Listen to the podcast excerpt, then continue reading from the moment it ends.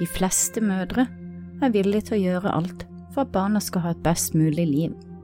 Cynthia sin datter hadde vært gift med sin mann i over 15 år, da Cynthia plutselig en dag fikk nok av sin svigersønn og drepte ham, før hun gikk ut for å feire både drapet og bursdagen sin på sitt favorittkasino. Oh boy! Oh boy! You don't feel bad about it? No. Would you do it again? Yes.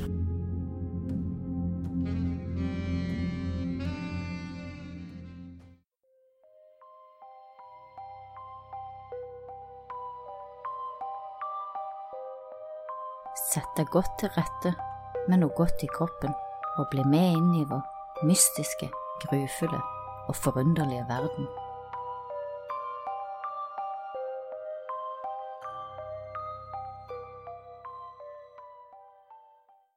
Geoward Estaquio og Laura Sedebakk var gift med tre barn, og i sammen drev de et pensjonat.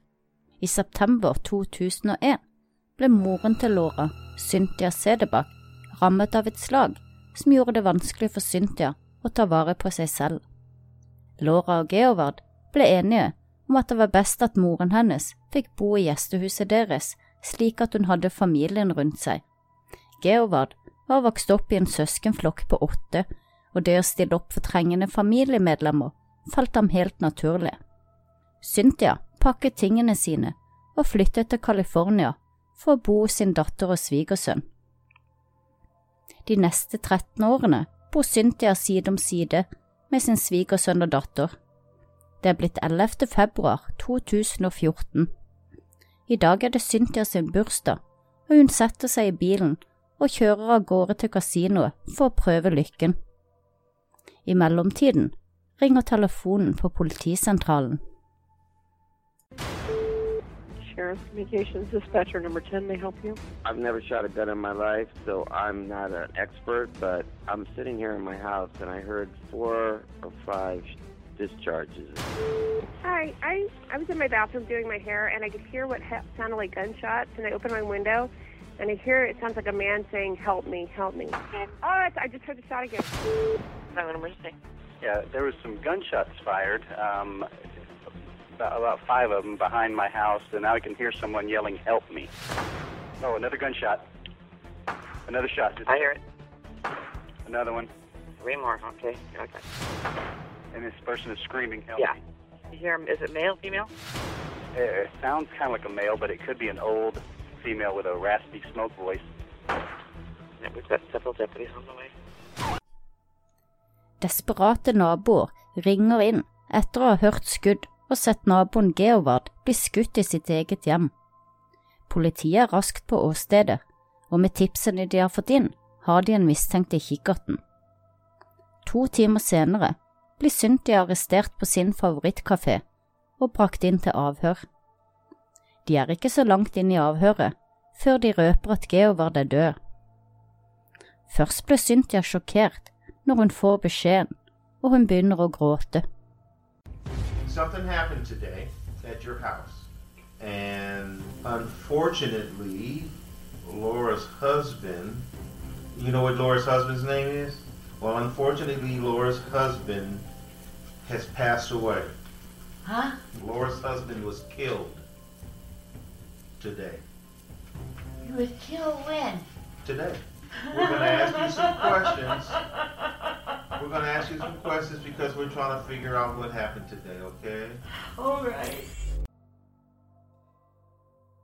Men etterforskerne fortsetter å spørre henne om Geovard, og det tar ikke lang tid før sorgen blir snudd til forakt, og det kommer frem at Cynthia ikke likte sin svigersønn og gir ham tommel ned i avhøret. Det som skjer videre, sjokkerer etterforskerne. Plutselig innrømmer Cynthia at det er hun som har skutt Geovard, og at hun håper han er død. So what did you think of him? Okay, why do you say that? That's the big thumbs down. You didn't like him. So mean to me and all of them. He's mean to everybody? Yes, he is. Did anybody try to stop him? Can't stop him. It sounds like somebody had to stop him or I did. I did. I was guilty. Right. Somebody had to stop you. I did. Okay, it's okay. Is he dead? You tell me. Gotta be dead. You think he's dead? I hope so.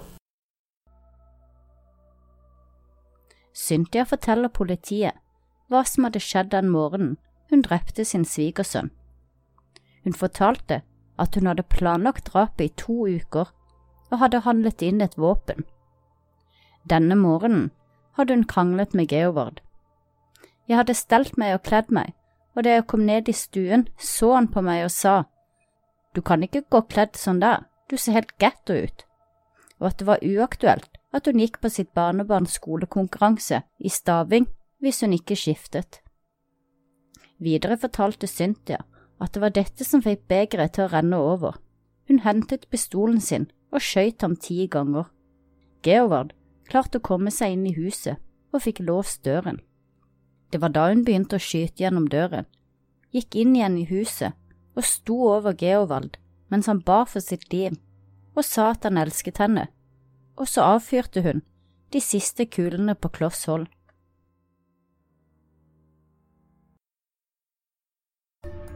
So you got your gun from your purse, and then what happened? Went and shot him. Wasn't enough.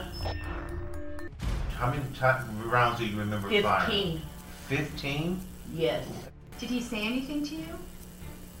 Oh, Grandma, I love you. He said that to you? Yeah. After you shot him, he said, Grandma, I love you? Yeah. God damn. Did you check to see if he was dead? I didn't care. Flere ganger under avhøret uttrykker Cynthia glede over at Georvard er død, og hun viser ingen tegn på anger. Is he alive? He's not? Oh, good, good, good, good, good, good. Oh, thank you. Is he dead? He's dead, ma'am. Oh, thank you, thank you, thank you, thank you, thank you. Oh, boy, oh, boy. You don't feel bad about it? No. Would you do it again? Yes. Det var flere vitner som så skytingen og ringte inn. Et vitne hadde sett Cynthia gå rolig ned til bilen sin, hvor hun fylte på ny ammo før hun rolig gikk opp til huset og avfyrte de siste skuddene som drepte Georvard. Senere undersøkelser viste at Cynthia hadde ladet om pistolen to ganger og til sammen hadde avfyrt 15 skudd. Ti av disse traff Georvard. Cynthia sin grunn for å drepe Georvard var at hun mente at han hadde vært stygg med dem i alle de 13 årene hun hadde bodd hos dem. Han var så slem mot meg, mot alle sammen, de var redde for han, han var så slem mot min datter. Jeg sa til henne for 13 år siden at han var ond. Politiet pressa Cynthia om detaljer, og det eneste hun klaget på, var at han ikke likte at hun røykte, og når han oppdaget at hun gjorde det, så hentet han hageslangen og sprayet henne ned med vann. Og han hadde også kommet med frekke kommentarer om røykingen hennes. Og da han hadde kritisert antrekket hennes på selve bursdagen sin, da fikk hun nok og drepte ham.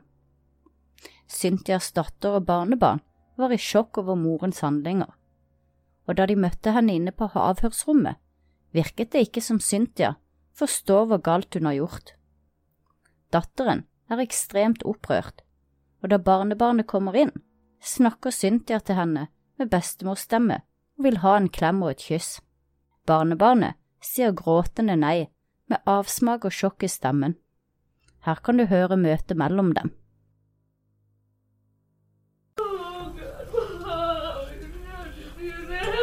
I wanted to.